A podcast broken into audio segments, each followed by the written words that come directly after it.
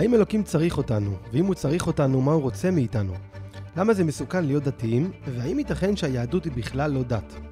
בפרק היום נפגשתי לשיחה מרתקת עם דוקטור אלעד בן אלול, אנתרופולוג וחוקר טכנולוגיה, על ספרו החדש "לא ביקשתי לבוא לעולם", על פי שיחות של הרב מניס פרידמן, הרב הנצפה ביותר ביוטיוב. דיברנו על המחקר המרתק שערך בגאנה שבאפריקה, מה אומרים לילד שרוצה להתאבד, מה השם צריך מאיתנו, ועל התגובות המפתיעות שהוא מקבל על הספר. האזנה נעימה. אני חייב לספר לכם סיפור מדהים. במסגרת תפקידי כשליח חב"ד במינסוטה, התקשרה אליי אימא לילד בן 14 שניסה להתאבד מוקדם יותר באותו היום. הילד היה מאושפז במחלקה הפסיכיאטרית בבית החולים, ואני ממש ריחמתי עליו, כי מדובר במחלקה לא פשוטה ואפילו מסוכנת. הגעתי לבקר אותו, אנשי דת מקבלים גישה מיוחדת לשם, ומצאתי אותו על המיטה בחדרו, אדיש לגמרי, קורא חוברת קומיקס כאילו היה בקייטנה. ברקע נשמעו הצעקות של המאושפזים האחרים, אבל זה לא הרשים אותו כלל. ניסיתי לפתח איתו שיחה, אבל הוא אפילו לא טרח להסתכל לכיווני. אמרתי לו שאימא שלו ביקשה ממני לבוא לבקר אותו ולוודא שהוא מסתדר. הילד לא ענה. שאלתי אם אני יכול לחזור ולהודיע לה שהוא בסדר? לא ענה. ניסיתי כל מיני דרכים כדי לקבל ממנו יחס, עד שהוא אמר לי, למה שלא תחזור הביתה? הכומר כבר היה פה. שאלתי אותו מה הכומר אמר, והוא השיב, אה, משהו מטומטם. שאלתי אותו מה היה כל כך מטומטם, והוא אמר, הכומר אמר לי שלא כדאי לי להרוג את עצמי, כי אלוקים אוהב אותי. אני מסכים איתך, אמרתי לו. זה באמת מטומטם. אני לא יכול לדמיין איך אלוקים יאהב אותך. אתה ילד מפונק ומעצבן. עכשיו הוא הביט בי בפעם הראשונה במבט של, אוקיי, מה הפואנטה שלך? הסברתי לו שאלוקים ברא אותו ולכן הוא כנראה זקוק לו עבור משימה שרק הוא יכול לבצע. אלוקים לא אוהב אותך, הסברתי לו. הוא פשוט תקוע איתך. הילד אמר, ומה אם לא בא לי לעשות את מה שהוא ברא אותי לעשות?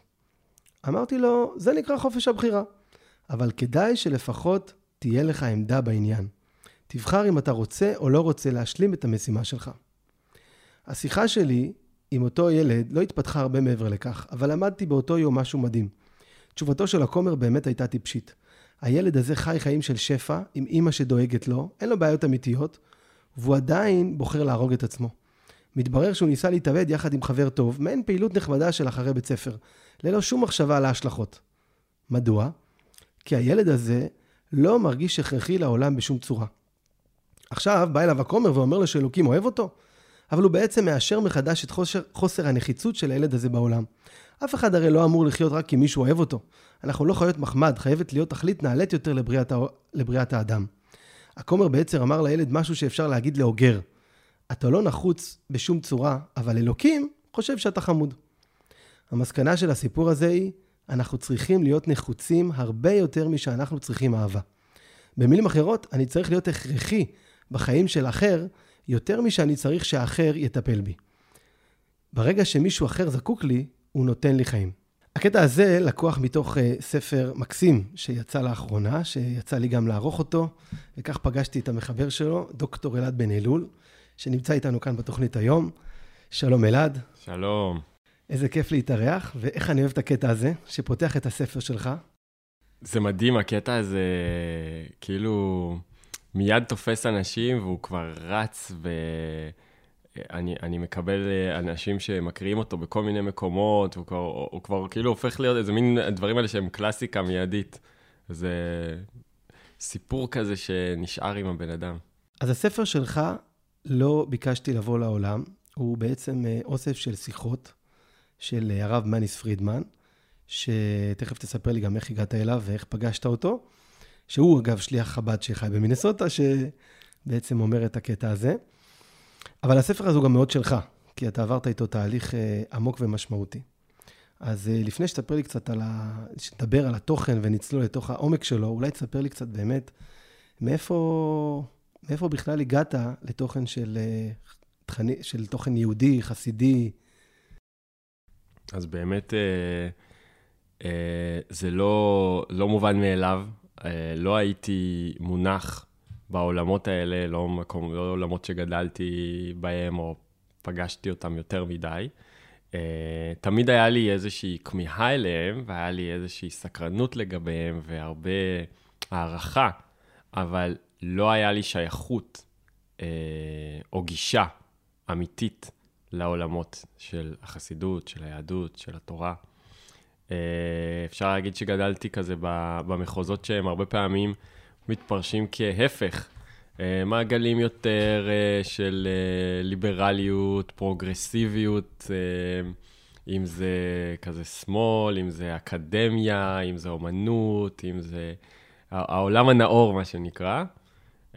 שאגב, אני לא אומר את זה במקום של דחיתי אותו מעליי, אני רואה אותו כעולם שאני מאוד שמח שגדלתי בו, וזה חלק מאוד מאוד חשוב אה, ממי שאני, אבל אני בא ואומר שבעולם הזה, זה באמת לא מובן מאליו ולא קל אה, לחצות למפגש עם, ה, עם היהדות, כי יש, יש הרבה חומות בין לבין.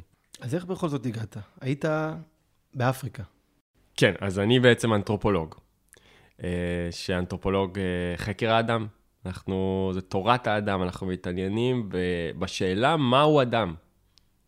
שאלה. זו שאלה מדהימה ומרתקת, ש... ש אה, אחת מה... יש, יש כמה טכניקות uh, לשאול אותה, uh, אם זה לחקור את המשמעות של שפה, uh, אם זה לחקור את, ה... את גוף האדם, uh, אבל אחת ה... אפשר להגיד שהטכניקות, הטכניקה שהכי מזוהה היום עם אנתרופולוגיה, זה כדי להבין מהו אדם, אני אתבונן עליו אה, בהקשר שהוא לא מוכר לי, זאת אומרת, על אדם אחר, מישהו אחר. מישהו שנמצא בתרבות אחרת, בעולם אחר, במקום אחר, שהוא גדל בתנאים שונים, על ידי זה שאני אתבונן עליו, אני מקבל נקודת מבט מיוחדת, קצת כמו חייזר שנחת בכוכב לכת אחר, ואז שום דבר לא מובן מאליו, ואני יכול להתחיל לשאול את עצמי מה זה בן אדם. זאת אומרת, אתה מעביר אותו לסביבה אחרת לגמרי, שכל התרבות שונה, שהדת שונה, שהמנהגים שונים, ואז בעצם מנסים לגלות מה, מה עומד ביסוד האדם. כן, בדיוק. אז, אז, אז האנתרופולוג, אנחנו הרבה פעמים מדברים על זה שיש לו סוג של, אה, הוא, הוא בעמדת המתצפת, בעמדת הבוחן, בעמדת, בעמדת החוקר, אה, כי הוא נכנס לאיזושהי מעבדה ענקית, שהיא התרבות האחרת שבה הוא מבקר. אבל האמת היא שגם האנתרופולוג עובר תהליך מאוד אה, לא מובן מאליו, כי כדי להיכנס לאותה מעבדה, הוא תולש את עצמו מכל מה שמוכר לו. בדרך כלל העבודת שדה נעשית בבידוד, זאת אומרת, מה זה בידוד? לא בידוד של קורונה, אבל, אבל אתה, אתה לבד באותו שדה, אה, אתה אנתרופולוג ואתה מוקף באותו עולם חדש.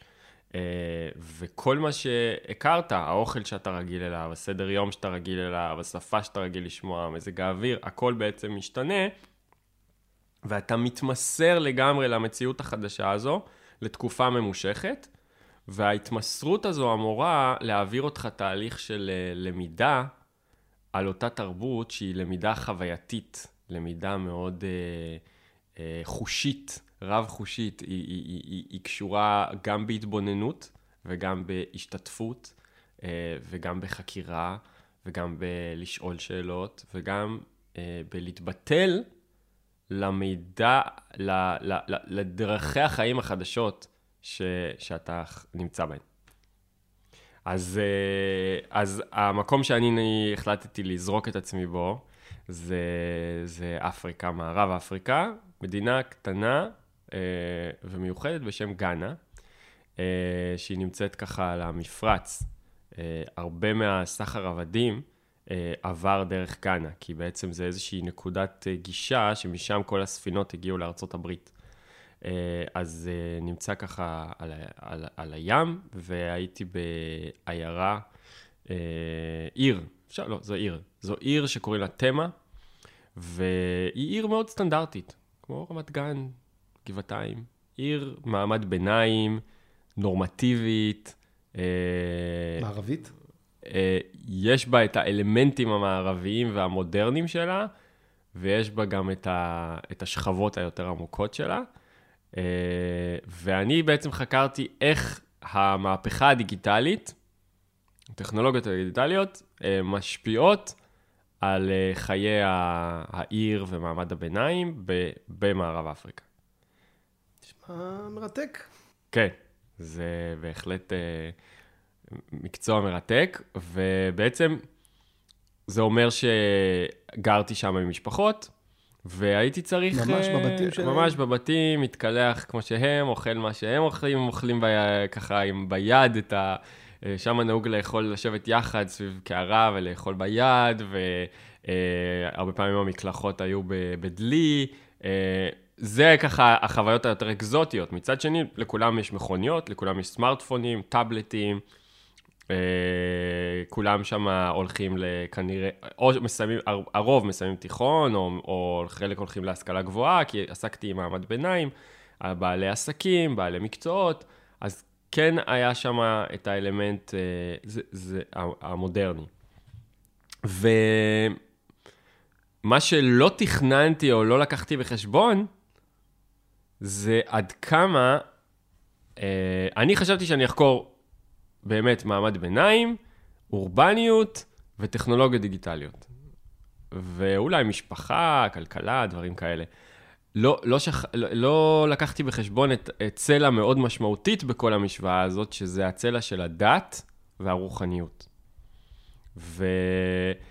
ובעצם נכנסתי לעולם שהוא מאוד מאוד מאוד רוחני. Uh, הוא מאוד, uh, כולו מונח בסקרנות uh, ותשוקה אדירה לאלוקות. ובעצם קלטתי שאני צריך להיות חלק מזה כדי להבין אותם באמת. זה אומר ללכת איתם לכנסיות, לשמוע את הדרשות, לפגוש את הכמרים, לנהל שיחות חולין, אם זה עם הנהג מונית, או אם זה עם המשפחה המארחת, או בכל מקום. Uh, זה שיחות על, שהן לא באמת שיחות חולין, הן שיחות קודש בעצם, כי הן שיחות על, על קדושה ועל דת ועל, uh, ועל uh, אמיתות התורה וכל הדברים האלה. ואתה בתקופ... בשלב הזה בעצם, אתה חילוני לכל דבר. אתה כן. תל אביבי, אוניברסיטת תל אביב, דוקטורנט לאנתרופולוגיה, זה לא בדיוק נכון. המאפיינים כאילו, של... אה, יש כזה, כמו, כמו כל מרוקאי, הניתוק אף פעם לא מוחלט, אבל, uh, אבל uh, בהחלט לא, אם זה הכשרות שם, אם זה זה, אם זה, לא, לא מונח בהבנה של uh, יותר מדי, uh, בטח לא הלכות או איזושהי, זה לא איזו מציאות שהיא חלק ממני, מהתודעה שלי. אבל לאט לאט, אני קולט שהם משתאים ומתרגשים ממני באופן ספציפי ומהזהות שלי כיהודי. וזה לא עובר דרך אף אחד באדישות. כולם שמה אומרים, וואו, זה, אתה, אתה משהו מיוחד, אתה יהודי. אנחנו כל היום פה לומדים, אברהם אבינו, יצחק, זה, זה, זה, עם ישראל, אה, מגילת אסתר, קהלת, משלי, קוראים פה תהילים, אנחנו חיים ומנסים להבין ולספוג את הדבר ש- שהוא שלך, בסופו של דבר. ואתה לא מבין, אתה אומר כאילו, אוקיי, לי יש משהו שהם מנסים לרכוש, ואני כבר ירשתי אותו בעצם. הוא חלק ממני. הוא חלק, הוא תמיד היה סביבי. הוא תמיד היה בתוכי, הוא תמיד הם היה... אומרים לך את זה? אתה יהודי, אתה מארץ ישראל. כן, כן. אתה מארץ קדוש. ישראל, אתה מהעם הנבחר, אתם עם קדוש, אתם, אתם, אה, בזכותכם או שיבוא משיח או שבגללכם לא יבוא משיח, אבל זה הכל תלוי בכם, מלחיץ. כן? ולמה אתם לא אה, מאמינים בישוע נוצרי, ולמה אתם לא זה, ולמה אתם לא זה, שאלות. אז היה לי קודם כל הרבה הערכה מחודשת לזהות שלי. למשל, ה... לראות את כל הכתבים בגרסתם המתורגמת, ולראות איזה גרסה חיוורת, ואיזה כמה פשרה יש בזה, וכמה הולך לאיבוד בתוך, ה... בתוך המעבר הזה לתרגום, ולדעת שאני פשוט ככה, בלי שום מאמץ, קורא עברית, קורא את שפת הקודש, קורא את התורה כמו שהיא נכתבה ומבין אותה. זה, זה, קורא תהילים. פתאום, פתאום, כל הזמן היה שם תהילים במתורגם. והזורים ברינה, אתה יודע, הזורים בדמעה ורינה יקצורו, אתה קורא את זה באנגלית, זה, יש בזה משהו נורא, זה, זה פשוט לא עובר. זה, זה, זה, אין. אז פתאום אתה, אתה מתחבר מחדש לזהות. דבר שני, אתה מתחבר למציאות האלוקית, כי המציאות האלוקית שם היא, היא, היא, היא כאילו חשופה. בגלל שכולם בעניין, אז זה הופך להיות עובדה, שהיא הרבה יותר, אתה חש אותה, אתה חווה אותה. זה, זה איזושהי, אתה פתאום מרגיש שההשגחה הפרטית היא, היא מאוד חזקה, היא בכל רגע ורגע, אתה חווה השגחה פרטית, אתה חווה גילויים, אתה מעריך את, ה, את הדברים הקטנים, את הפירות שנותנים לך, את הקוקוס שנותנים לך, פתאום רציתי לברך עליו. רציתי לברך עליו, אמרתי כאילו, מה זה קוקוס? איזה מוזר זה. יש בפנים מיץ שהוא לבן אדם, וזה בגודל ש... כל הפירות הם בעצם בגודל לידיים של בני אדם, זה מאוד מוזר, זה אומר שבעצם, זה לא שהפרי התפתח ונפרד מהבן אדם, כל אחד בתהליך האבולוציוני שלו, אלא בעצם הפרי התפתח עבור הבן אדם, כי רואים את זה במידות, בטעמים, במינרלים שיש, איי, איי, איי, אכלתי שם סרטים. אה, ובו זמנית, בגלל שזה לא באמת קדושה שם מהמקום של יהדות, אלא יש גם הרבה עבודה זרה, הרבה כישופים, הרבה שדים, הרבה... וודו, אה, יש וודו. וודו, הרבה... אה, גם הנצרות עצמה, זאת אומרת, היה, היה הרבה, הרבה פח, הרבה, די- כאילו מדברים על גיהנום, מדברים על כוחות הרשע, מדברים על אה, מלחמה בין טוב לרע, בין אור לחושך, העולם הוא מאוד מפוצל, מאוד מופרד. והקורבנות הראשיים פה זה בעצם הרבה פעמים האפריקאים עצמם, כי הנצרות בעצם מוסרת להם איזשהו מסר שהתרבות שלהם שייכת לשטן, לא- לעבודת האלילים. התרבות השורשית, האפריקאית, המקורית, אה, שהם ירשו מאבות אבותיהם, אה, מה-ancestors, מה שנקרא. התרבות שמחוברת לטבע ולאדמה ולעצים, זה תרבות אלילית, וצריך לזרוק אותה, וצריך לנתק קשר אפילו עם קרובי המשפחה שלך, אם הם חלק מהתרבות הזאת. אתה צריך לחתוך אותם ולהתנתק מהם. אה, לא לשמור על קשר עם המשפחה מהכפר, לא לשמור על קשר עם ההורים, אם הם, אם הם עושים איזה שהם מחוות שהן יותר מסורתיות. בעצם יש אה, חיתוך של המסורת, אה, זה נקרא בעצם אה, אה, לחתוך את העבר. לחתוך את העבר. להבדיל, זה קצת כמו שחוזרים בתשובה לפעמים עושים. נכון, אנחנו נדבר על זה. שמנתקים לגמרי את עצמם ממי שהם היו. אמנם זה לא עבודה זרה, המקום שהם באו ממנו, אבל התרבות והשורשים, הם, הם, הם תמיד יהיו שם. נכון.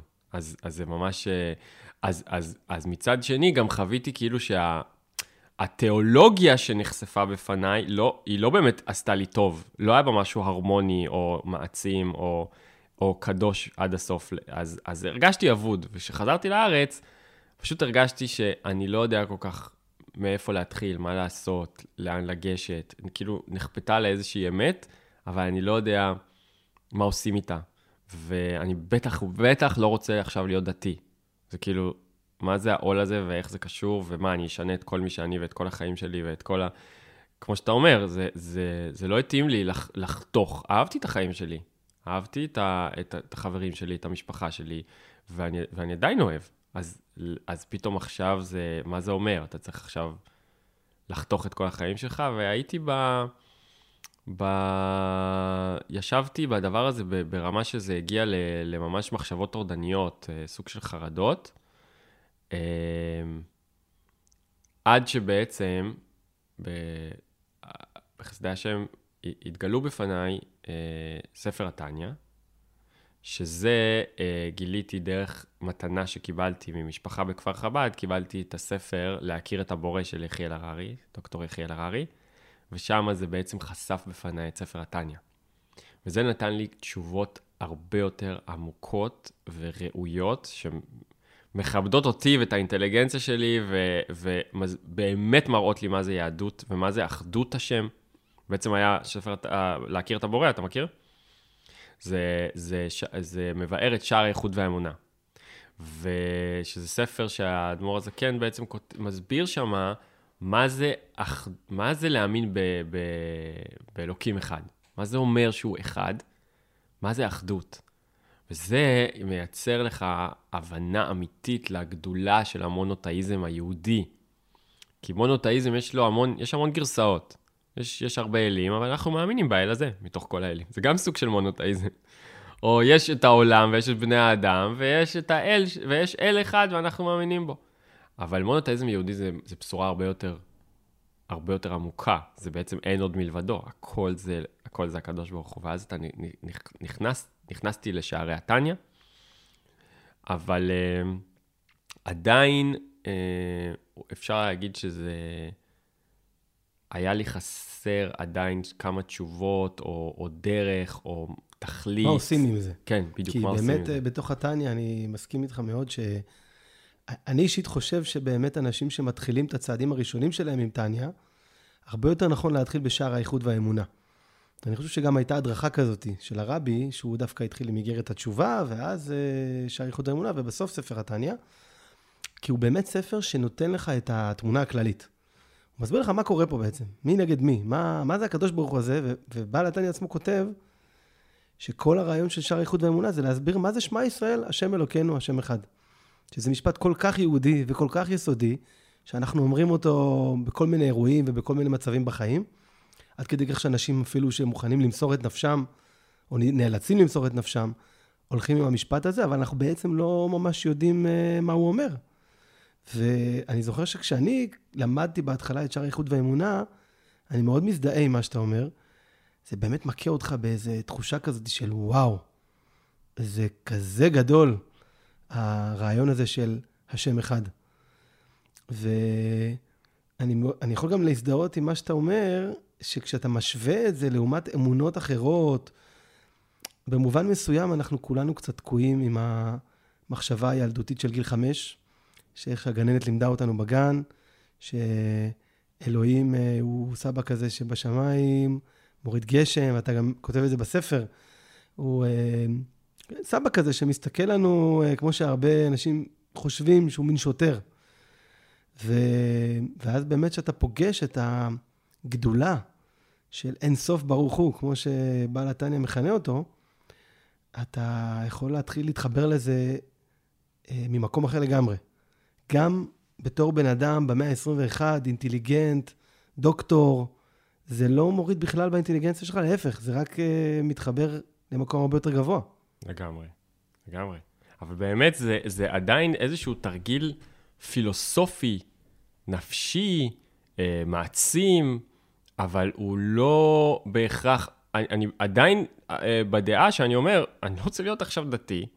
אין לי בעיה לשלב מסורת, כבר התחלתי כזה, שבת כבר לא הייתה אותו דבר, ותפילין וזה, ולשלב וזה, אבל אני לא רוצה... מה אני צריך את זה עכשיו? אני צריך את כל הכאב ראש הזה להפיל על עצמי עכשיו איזה... מהפכה כזו בחיים, ולהתחיל להיכנס לכזה שעבוד, ו... ו... אז עדיין אתה, אתה חי באיזה דיסוננס, אתה חי בין שתי העולמות. אבל, אבל אה, אז, אה, בעודי צורך כל מיני הרצאות שונות אה, ביהדות ככה לצד העבודה האקדמית שלי, אה, ככה קורה קצת אה, הרב יונתן זק, קצת הרב אורי שרקי, קצת זה, קצת מתעניין מפה, קצת משם. מעניין, אני נתקל בהרצאה של רב שאני דווקא לא מכיר, באנגלית, ושם ההרצאה זה, אה, מדוע אסור להיות דתיים. רב. עם זקן לבן. רב, זקן לבן, מקבט, אה, או אפילו מדוע הד... הדת תהרוס לכם את הבריאות. אה, ואני לוחץ, והוא מספר שם את הסיפור שאתה הקראת, על הנער, ש... על הילד ש... שהתאבד, ו... והוא מסביר על העניין שאדם אה, צריך בעצם להבין למה הוא פה. וכשהוא יתבונן לעומק למה הוא פה, הוא יבין שהוא פה בגלל שהיה רצון לבורא שלו שהוא יהיה פה, ככה שעצם הקיום שלו בא לשרת אה, רצון אלוקי, ולא אה, אינטרס אנושי. אין אינטרס אנושי בקיום. הקיום עצמו יכול להפסיק להתקיים ולהפסיק להיות, לחזור לעין ולאפס, אבל ה... ה... והאדם לא ירגיש שום חיסרון. אבל הקדוש ברוך הוא, הוא זה שבעצם מהווה אותנו מתוך איזשהו רצון שלו. עכשיו, למה זה קשור לאסור להיות דתיים, או למה לא כדאי להיות דתיים? הרב בעצם מסביר שם פשוט מאוד. אדם דתי זה אדם שמחפש הטבה.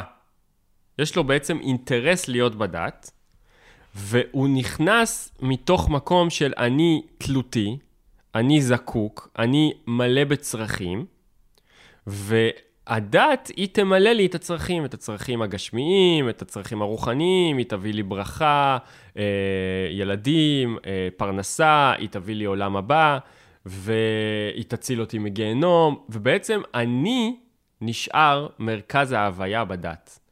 וזה לא שונה, אין פה באמת הבדל בין הדת היהודית, לדת הבודהיסטית, לדת הנוצרית, לדת המוסלמית. כל הדתות בעצם, כל אחת בגרסה שלה, אומרת לך, בואו אליי, כי אני אעשה לך טוב.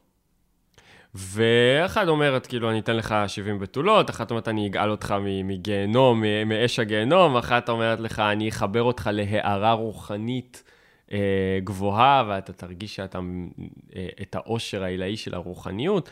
אה, כל אחת אומרת לך משהו. אבל בעצם זה מנקודת הנחה שאתה המציאות הבסיסית שבעצם זקוקה ל- ל- למלא את הצרכים שלה. אתה במרכז. כן. שזה אגב, אני חייב להגיד, לא כל כך שונה מראייה, נקרא לזה, הדוניסטית חילונית.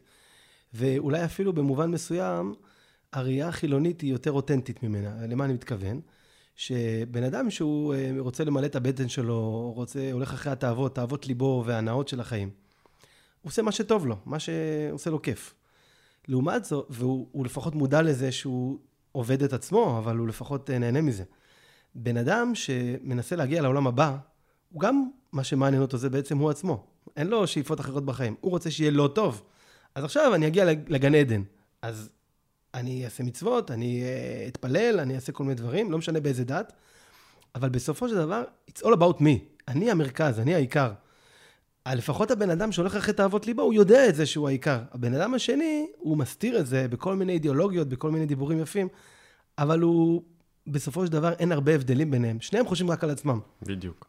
וזה גם לא, אז זה גם לא באמת משחרר אותך, וזה לא באמת מה שחיפשתי. כי בעצם אני, אם, אם אני נמצא במחשבות טורדניות, או, ב, או בכזה משבר גיל השלושים שהייתי אז, או, ב, או בחרדה קיומית, או, אז, אז אני מחפש לצאת מעצמי. אני לא מחפש שיכניסו אותי עוד יותר עמוק לתוך הצרכים של עצמי. ויותר מזה, אם נחשפתי לגדולת אור אינסוף ברוך הוא, אם נחשפתי לגדולת הבריאה, אז אני מחפש לתת מעצמי. אני מחפש להבין את התכלית שיש בעצם היותי. ולמה יש לי את כל הכישרונות האלה, ולמה יש לי את היכולות האלה, ולמה אני בכלל פה. זה מה שאני באמת מחפש. ו- ו- ובהרצאה של הרב פרידמן הוא בעצם הסביר שיהדות באמת, אם נתבונן בה, נראה שכל העניין של היהדות זה, אנחנו לא צריכים את כל הדברים האלה, אלא הקדוש ברוך הוא צריך את זה מאיתנו, ולכן אנחנו מוסרים את נפשנו ומניחים תפילין ומקימים uh, משכן ושומרים uh, uh, שבת ומקפידים על ההלכה, כי בעצם מי שביקש את זה מאיתנו זה הוא. והוא בעצם אומר, זה עבורי, עשו לי משכן, אתם עושים את זה בשבילי. ובאותו רגע שירד לי האסימון הזה, שבעצם יש לי איזושהי משימה, והמשימה, המשימה הזו היא, היא, היא השירות לשרת את הקדוש ברוך הוא, ושאני לא צריך להיות דתי בשביל זה בשום צורה, אז כאילו יצאתי מאיזשהו כלא מחשבתי, והצלחתי בעצם למצוא את הדרך שבדיוק איפה שאני ואיפה שאני נמצא, אני יכול לצאת למסע. ובמסע הזה אני חופשי, כי אני לא מחפש להיכנס לאיזושהי מסגרת קהילתית, מגזרית, דתית, או זהות מסוימת, אני לא מנסה לעטות על עצמי זהות חדשה, כל מה שאני מנסה לעשות זה את הדבר הכי טבעי שאני יכול לעשות, שזה להתחבר עם מי שברא אותי, ולהעניק לו את התכלית שעבורה הוא ברא אותי. אז אני רוצה לקרוא עוד קטע מהספר, קטע מאוד מאוד יפה. המילים הראשונות של התורה הן בראשית ברא אלוקים את השמיים ואת הארץ. אתם קולטים את זה? קראו היטב, בראשית ברא אלוקים את השמיים ואת הארץ. וואו, איזו הקלה. תמיד חשבתי שאני בראתי את השמיים והארץ. כל הצרכים והחוקים והחובות האלו הרגישו כאילו אני בראתי את העולם, וכל הסיפור הזה הוא באשמתי. אז מסתבר שלא, אפשר לנשום. אם אלוקים הוא זה שברא את השמיים ואת הארץ, זו לא הבעיה שלי. הוא זה שיש לו בעיות, הוא זה שבאים אליו בטענות. הוא מי שיזם את הפרויקט הזה. הוא ברא עולם, והעולם שלו פשוט לא מתפקד. בראשית. אל תשכחו, זה לפני שהיה לכם צרכים. הוא ברא את העולם לפני שהייתם קיימים בכלל. אתם אפילו לא ביקשתם לבוא לעולם, שזה בעצם אה, שם הספר. זה המסר האמיתי של היהדות. לא אנחנו בראנו את העולם, ולכן לנו אין צרכים. אבל לבורא העולם יש רצון, והוא צריך אותנו כדי שנקיים את רצונו. אם כך, מה המשמעות האמיתית של מצווה? שאלוקים סומך עליכם שתעשו את מה שהוא צריך עבורו. אני צריך, אני חייב, אני רוצה? ממש לא. בורא עולם הוא היחיד שתכליתו אמיתית, ואנחנו נבראנו כדי להגשים אותה עבורו. בינגו. אז אני חייב שתסביר לי את הקטע הזה, כי אתה אומר, אוקיי, אני רוצה לשרת את הבורא, אני רוצה לעשות משהו, אבל בלי להיות דתי, והנה פה בקטע הזה אתה מדבר על מצווה, והרב פרידמן הוא רב אורתודוקסי, דתי, עם זקן וכובע, שומר שבת כהלכתה, מקיים את כל המצוות אה, קלה כבחמורה. איפה פה השירות של הבורא? כאילו, אתה יודע, יש איזו פנטזיה, אני, אני הרבה פעמים פוגש אה, בעלי תשובה, שאתה יודע, עברו כל מיני תהליכים רוחניים בהודו, בכל מיני מקומות, ואז אה, הם נורא נורא רוצים להתחזק ולעבוד את הבורא, או מה שזה לא יהיה, ויש להם חוויה רוחנית חזקה. אז הם באים לבית מדרש או לישיבה, והם אומרים לי, אוקיי, אני רוצה עכשיו... אה, אני רוצה, אוקיי, מה עושים? מה עושים? אז אתה יודע, אתה פותח משנה ברורה, אתה פותח פניני הלכה, אתה פותח שולחן ערוך, אתה פותח גמרא, אתה פותח טניה, לא משנה. כל הזמן אומרים שם מה אתה צריך לעשות. אז זה קצת נוגד את התפיסה הזאת שקראנו פה, שכאילו אין לי צרכים. כן, מאוד אומרים לי מה אני צריך לעשות. כן, אז, אז באמת, ההיפוך הזה ש, ש, שהרב פרידמן עושה, כמובן בהשראת הרבי מלובביץ' והרב יואל קאן, שהיה המורה שלו, ועל בסיס בעצם ספר התניא ותורת החסידות והבעל שם טוב, אבל איכשהו אה, לא שמענו את זה מספיק במפורש. אבל מה שהוא אומר, זה כשאתה קורא את המשנה ברורה ואתה קורא את ההלכות וכל הדברים האלה שאתה צריך אה, לא לברור בשבת ואתה צריך שיהיה לך כלים נפרדים ואתה צריך לטבול את כל הכלים, אתה חייב לקרוא את זה אחרת. אתה חייב לקרוא את זה. השם צריך שאני אטבול את הכלים. השם צריך שאני אתפלל שלוש פעמים ביום. השם צריך. וברגע, יכול להיות שהפעולה הסופית, איך היא תתגלה בשטח היא תיראה אותו דבר כמו, כמו אדם שהוא, שהוא דתי, אבל היא תיעשה מנקודה פנימית הרבה יותר אמיתית והרבה יותר אה, מעצימה והרבה פחות מלחיצה. אה, אני יודע שגם אתה סיפרת לי שבעצם היה לך גם את החוויה הזו, ש, שהרבה פעמים בעלי תשובה, ה- ה- ללבוש זהות חדשה ולהתחיל, הרי בהתחלה מה קורה? אתה נחשף לקדוש ברוך הוא, ואתה רוצה להתחבר איתו.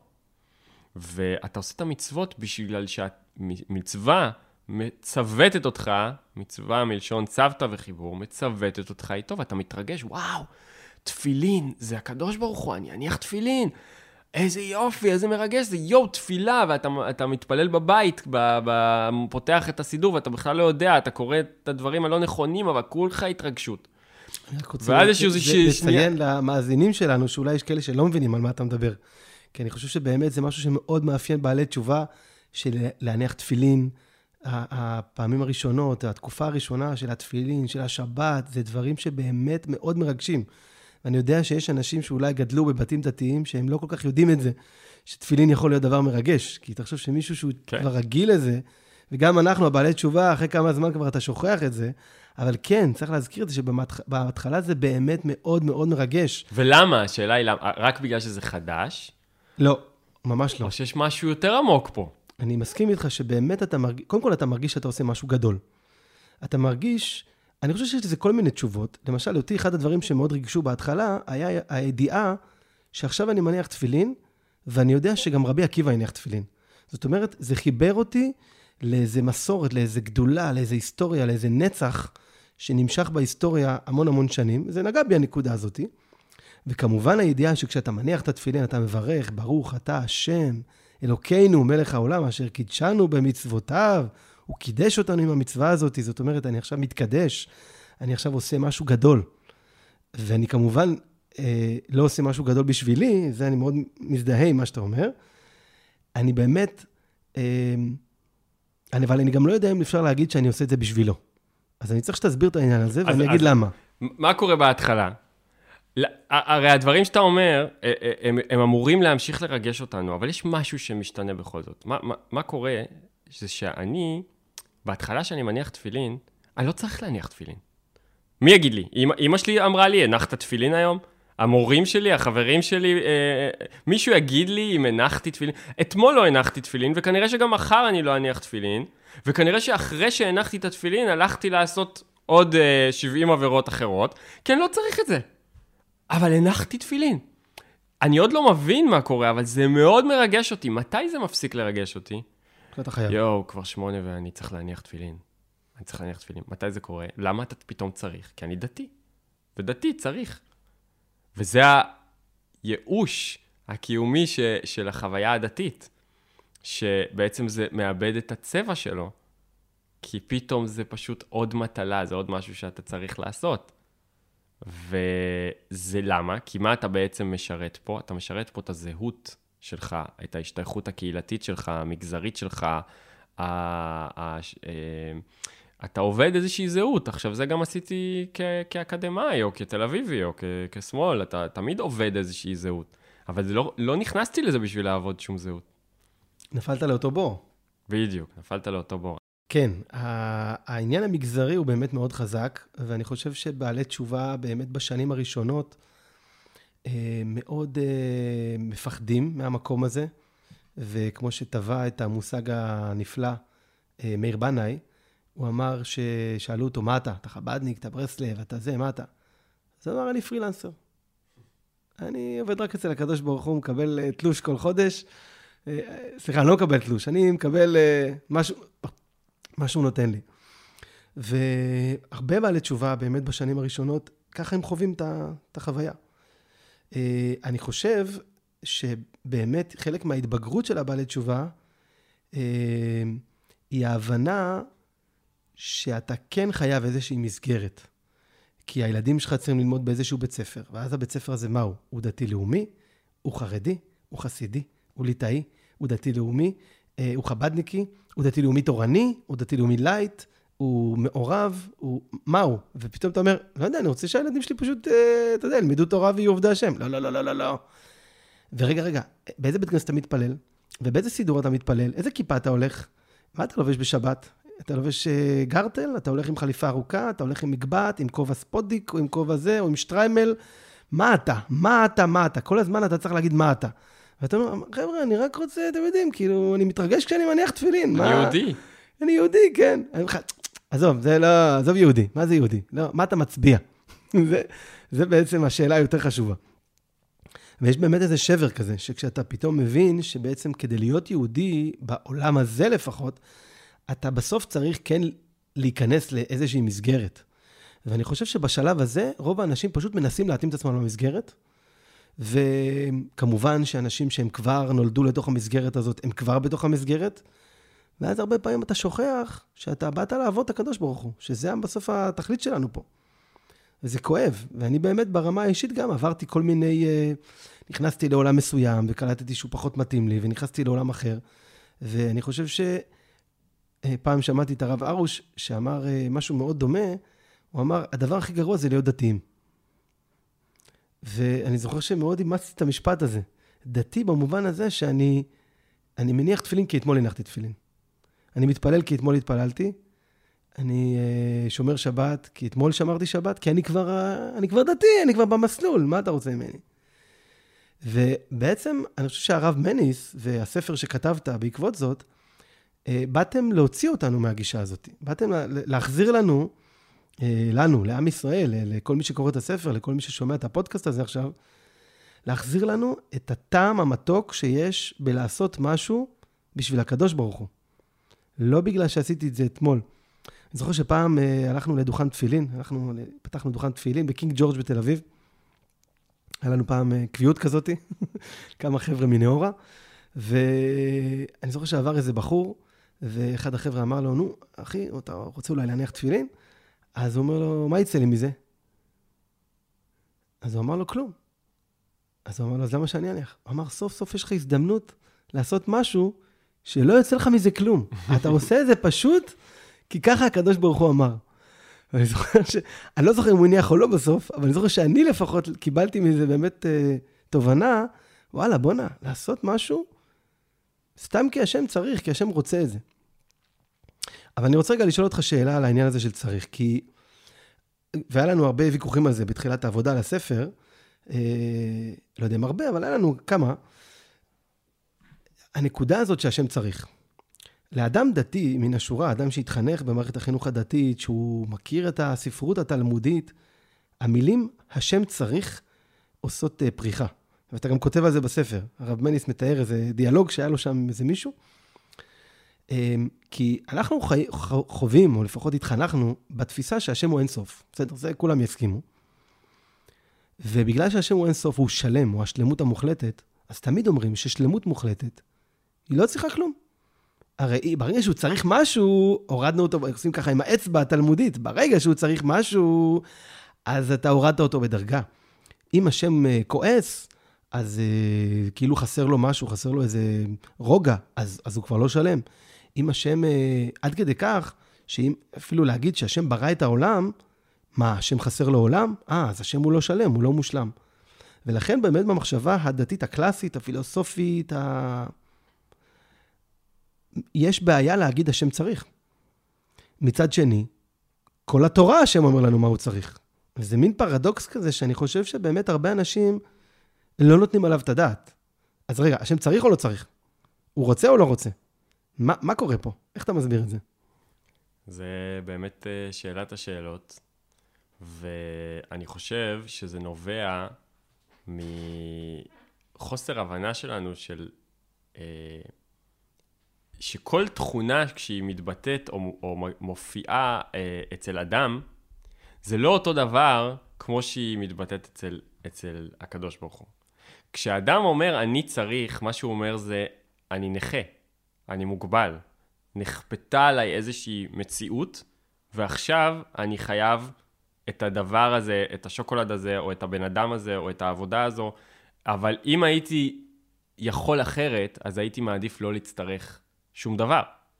אבל אני, אבל נכפתה עליי מציאות חיצונית שמאלצת אותי להיות עכשיו צריך. ולכן זה, זה, יש בזה אלמנט של חיסרון ושל נכות. ולכן כשאנחנו אומרים פתאום צריך על הקדוש ברוך הוא, זה לא שייך. אבל באמת בשביל זה אנחנו צריכים להסתכל הרי על כל התורה. התורה אומרת שלקדוש ברוך הוא יש יד. אבל אז אומרים לנו, לא, זה לא באמת יד. אז היא אומרת, אז אומרת שיש, שיש לו אף, חרון אפו. אבל לא, לא באמת יד. אומרים לנו שהקדוש ברוך הוא כועס. לא, לא, לא. בגמרא כתוב שהקדוש ברוך הוא בוכה, ויש לו מקום שהוא בוכה בו כל יום. לא, כמובן, חס וחלילה, כביכול, כביכול, זו המילה שמאוד אוהבים. והרמב"ם אומר... אתה יודע שביידיש, כן. יש כינוי לקדוש ברוך הוא שאומרים כביכול. כביכול. הרמב"ם אומר שהתורה דיברה בלשון בני אדם. אז עם מה נשארנו? אז בעצם כל הנביאים, וכל המדרשים, וכל הגמרא, וכל התורה, זה הכל כביכול, זה לא אמיתי. אז אנחנו מפספסים פה משהו. עכשיו, נכון שהרמב"ם והפילוסופים והספרי חשיבה ביהדות ניסו בעצם להוציא אותנו מתפיסה ילדותית שראינו את הדברים האלה כפשוטם. שלא הבנו שזה משלים, שהיה לנו נטייה לעשות הגשמה, שכשקראנו יד, באמת היינו עלולים לראות את זה כיד, כי סביבנו עבדו פסלים. אז יכלנו לראות את זה כיד כמו שלבן אדם יש יד. כן, כמו שהראב"ד כותב על הרמב"ם, שאומר שאחד הסוגים של הכופרים זה מי שמאמין שהשם יש לו דמות הגוף. והראב"ד כותב, רגע, אני מכיר הרבה אנשים צדיקים טובים שמאמינים שלשם יש גוף.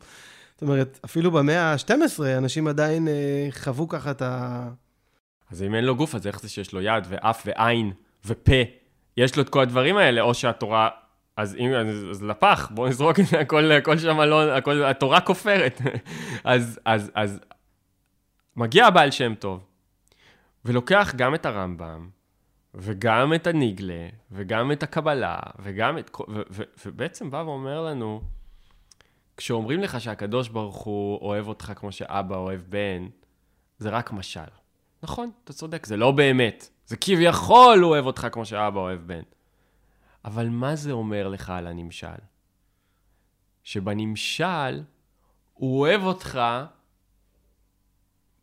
אין סוף ביחס למה שאבא אוהב בן. זאת אומרת, הנמשל הוא תמיד יותר מהמשל. אז כל הדבר, אז, אז, אז, אז יש לו יד, הוא באמת אוהב אותך כמו שאבא אוהב בן, אבל כמו שזה נקרא, שזה מתבטא באלוקות. ויש לו יד, אבל זה יד אלוקית. זאת אומרת, היד, כמו שהאדמו"ר הזה כן אומר, כשהקדוש, מחשבותיי לא מחשבותיכם, כשהקדוש ברוך הוא חושב, הדברים קורים מה שהוא חושב. כשהקדוש ברוך הוא מדבר, יוצ... נבראים עולמות. כשהקדוש ברוך הוא מר... מרים את הזרוע, אז אה, הים נקרע לחצי. זה זרוע אמיתית, זה, זה דיבור אמיתי, זה מחשבה אמיתית. שלך, זה רק משל. אתה כביכול. אתה כביכול, בדיוק. עכשיו, אז גם אותו דבר אם אתה צריך. אמרנו שהצורך האנושי הוא צורך שמגיע ממוגבלות, מסופיות, מאנושיות. הצורך האלוקי הוא מגיע משלמות, הוא מגיע מאינסופיות. הוא מגיע דווקא מ, מזה שאני לא כפוף לשום מציאות חוץ ממני. ובכל זאת, אני אומר לכם, עשו לי משכן, אני צריך שתעשו ככה, אני צריך שתעשו ככה, אני צריך שתעשו ככה. כי זה מי שאני, זאת אומרת, זה מה שאני רוצה מכם. עכשיו, איך, איך יכול להיות צורך שמגיע משלמות?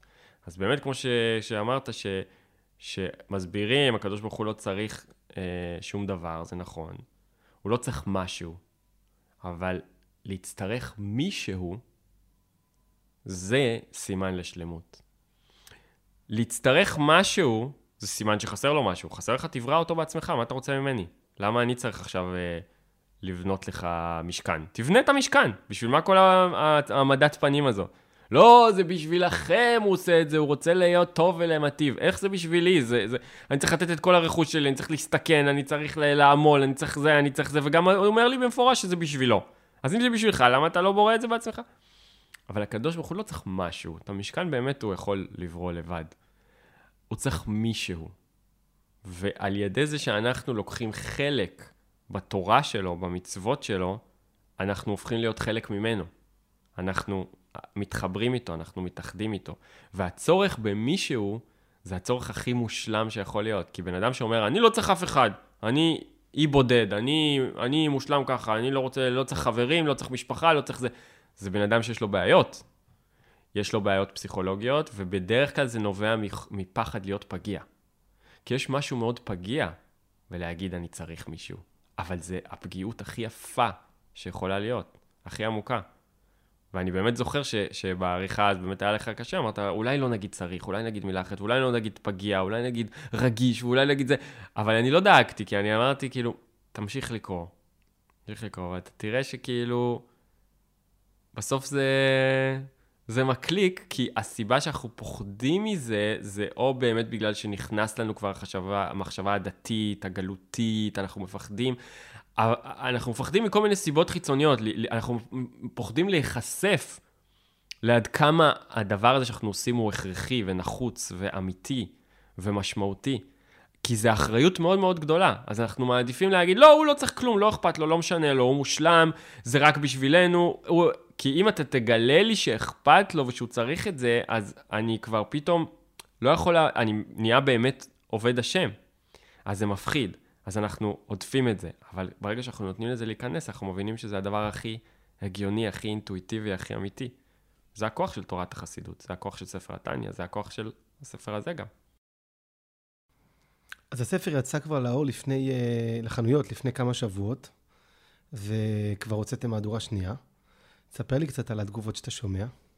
וואו, זה מטורף. האמת ש... כאילו זה, זה מפעים ומדהים אותי, ובו זמנית זה לא מפתיע אותי, כי אני, אני כל הזמן הרגשתי, בטח אתה גם יודע שאמרתי את זה בתהליך העבודה, הרגשתי שאני מחזיק פצצת אטום. אני למעשה, כשהיו מניעות או הפרעות או רגעים שחשבתי שאולי זה לא יקרה, וכל פעם אני צריך לעבור איזושהי משוכה, זה היה לי מאוד ברור למה זה קורה. ואמרתי לעצמי, הלוואי שזה תהיה המניעה האחרונה, כי, כי יכול להיות שאני אצטרך לשלם בעוד הקרבות בגלל שאני אני מחזיק פצצת אטום, וזה לא מובן מאליו שהספר הזה יצא, ועכשיו אני מרגיש את זה, אני רואה את זה. אני רואה שאני מקבל תגובות מכל סוגי האנשים בחברה הישראלית שיכולים להיות, שהספר עשה להם מהפכה בנפש ומהפכה בחיים, וכבר יכול, עוד לפני שהם סיימו אפילו את הספר, הם קראו כמה פרקים והם כבר כותבים לי, אז גם מהעולם החרדי, ממש מעומק בני ברק, שאומרים לי, הספר שלך הוא לחרדים, אתה יודע, אתה, אתה אולי חשבת שכיוונת לחילונים, זה ממש לא, זה, זה בשבילנו. אז אנחנו, נכון, הוא בלי... זה לא הספר הקודש הקלאסי, אבל אנחנו מאוד מאוד חיכינו לספר הזה, ואנחנו, ואני יודע שהם לומדים אותו ומתעניינים בו. אז זה מהעולם החרדי, ומהעולם החילוני לגמרי, ומעולם של אנשים שעוסקים בטיפול, או בחינוך, אה, או, ב, או באמת בעלי תשובה. אה, באמת, הרבה אומרים לי על, על uh, זוגות מעורבים, למשל, uh, חילונים ודתיים, או הורים, הורים לילדים שחוזרים בתשובה, או ילדים להורים שחזרו בתשובה, זאת אומרת, מפגשים בין עולמות שפתאום מתחילים ללמוד אותו יחד ולקרוא אותו יחד. Uh, משהו בספר מאחד את כולם, וזה מאוד פשוט, כי ברגע שאנחנו מבינים שאף אחד מאיתנו לא ביקש להיות פה, וכולנו פה עבור מטרה אחת, ולכולנו יש איזושהי משימה משותפת ותכלית משותפת לממש, אז אנחנו מתחברים, אנחנו מתחברים, כי לכל אחד יש את, ה, את מה שהוא יכול לתת, את מה שמתאפשר לא לתת. אנחנו אחרי כל כך הרבה שנות גלות, אה, אף אחד לא מחכה להעניש או לשלוח בן אדם לגיהנום או לנקום בו. יש פה פשוט משהו שצריך לקרות, וזו האחריות שלנו, רק אנחנו יכולים לעשות אותו. דוקטור אלעד בן אלול, היה לי כיף להיפגש איתך, רק נגלה שאנחנו פה מקליטים את הפרק הזה בפעם השנייה, כי הפעם הראשונה אני מחכה לנו, בעקבות אותו פצצת אטום שתיארת, כנראה זה גם חדר למחשבים, אבל היה לי כיף להקליט אותו פעם שנייה, כנראה שהוא גם יצא יותר טוב. ואתם אה, כמובן מוזמנים להאזין לפרקים נוספים שלנו, מטעם אה, נהורה, מרכז אה, ללימודי יהדות ברמת גן, מדרשה, ישיבה, ועוד הרבה הרבה דברים טובים למתחזקים, בעלי תשובה, חרדים, חסידים. אה, חילונים, נשים, גברים וכל אה, דבר אחר שיעלה בדעתכם. אז תודה רבה לכם ותודה שהאזנתם לפודקאסט שלנו, מחפשים תשובה, ואנחנו ניפגש בפרקים הבאים. תודה רבה, דרור היקר.